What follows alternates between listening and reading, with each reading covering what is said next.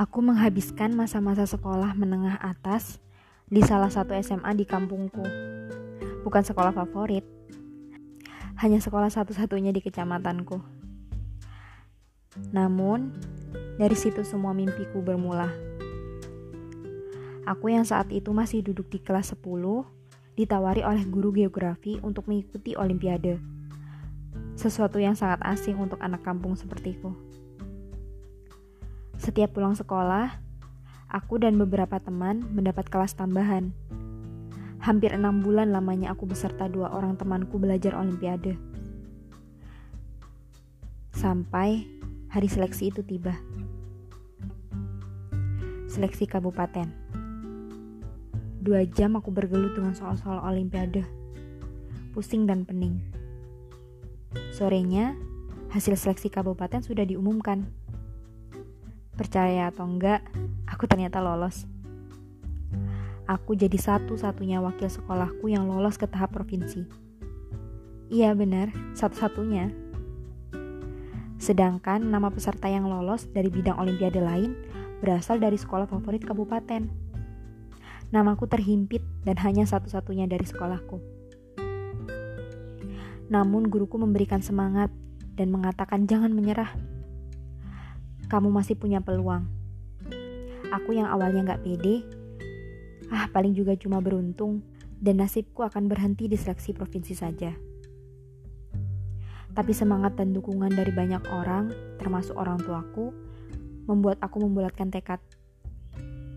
Baiklah, aku sudah terlanjur terjebur. Lalu kenapa tidak basah sekalian?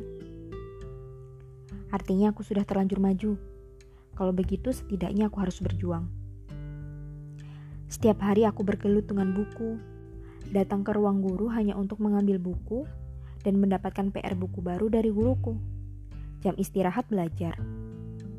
Pulang sekolah belajar. Sampai di rumah pun belajar. Aku tidak tahu apa yang aku lakukan, tapi aku hanya meyakini satu hal. Aku adalah seorang pekerja keras seleksi provinsi akhirnya tiba. Aku yang menjadi satu-satunya wakil sekolahku dititipkan di sekolah lain yang banyak siswa yang lolos ke provinsi. Aku jadi orang asing di antara siswa-siswa yang sudah saling kenal. Mereka saling ngobrol sana-sini, membicarakan apa yang sudah mereka pelajari, dan bimbingan sekolah mereka yang sangat ketat jadwalnya. Selayaknya batu bara di antara tumpukan intan, aku jadi aneh sendiri. Setelah seleksi provinsi, aku mencoba melupakan olimpiade.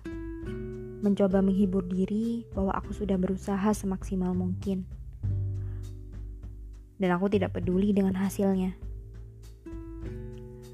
Sebulan kemudian, aku masih ingat betul momen itu.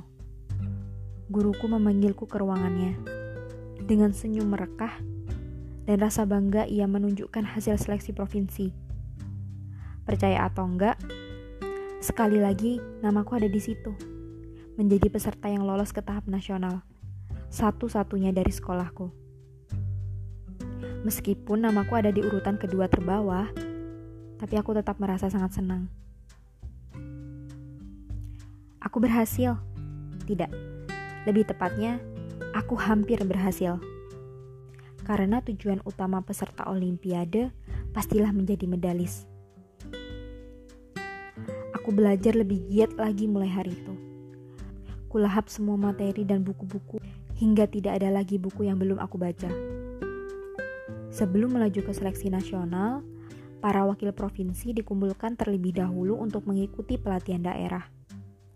Kata guruku, jadikan momen itu untuk mengukur kemampuan lawanmu, setidaknya lawan satu provinsimu. Dengan tekad kuat, aku berangkat ke pelatihan daerah. Di situ aku bertemu teman-teman satu bidang. Mereka rata-rata dari sekolah favorit di penjuru provinsi. Dan beberapa merupakan pemain lama. Alias sudah pernah mengikuti olimpiade tahun sebelumnya. Aku yang selama ini merasa sudah berusaha keras, seketika merasa menjadi yang paling bodoh, paling lemah, dan paling banyak kekurangan di sana sih dibandingkan dengan teman-teman satu bidangku.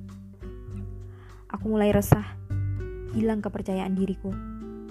Aku seperti pemain yang jago di kandang saja, tapi setelah dilepas ke alam bebas, nyaliku langsung menguap entah ke mana.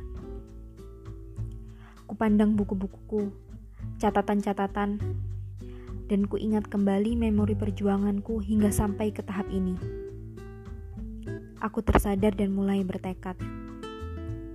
Aku boleh jadi yang paling bodoh di antara teman-temanku, paling jelek nilai tesnya, dan paling banyak kelemahannya tapi akan kubuktikan bahwa akulah yang paling bekerja keras.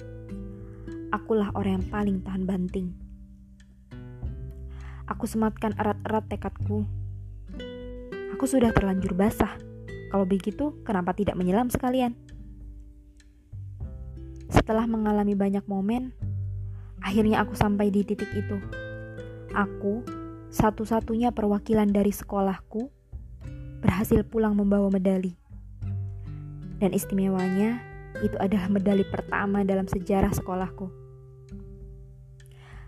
Aku gak pernah sekalipun bermimpi bahwa aku akan sampai sejauh itu dengan bermodalkan tekad dan tahan banting. Dr. Angela Duckworth setelah melakukan penelitian selama bertahun-tahun, akhirnya ia menemukan karakter kunci yang membedakan para pemenang dengan para pecundang. Karakter itu adalah gabungan antara passion dan daya tahan untuk belajar dan berkarya yang disebut sebagai grit. Menurut kamus Merriam-Webster, grit dalam konteks perilaku didefinisikan sebagai ketegasan karakter dan semangat yang gigih. Duckworth berdasarkan studi mengubah definisi ini menjadi ketekunan dan semangat untuk tujuan jangka panjang. Grit sesuatu yang sangat istimewa. Apakah kamu sudah memilikinya?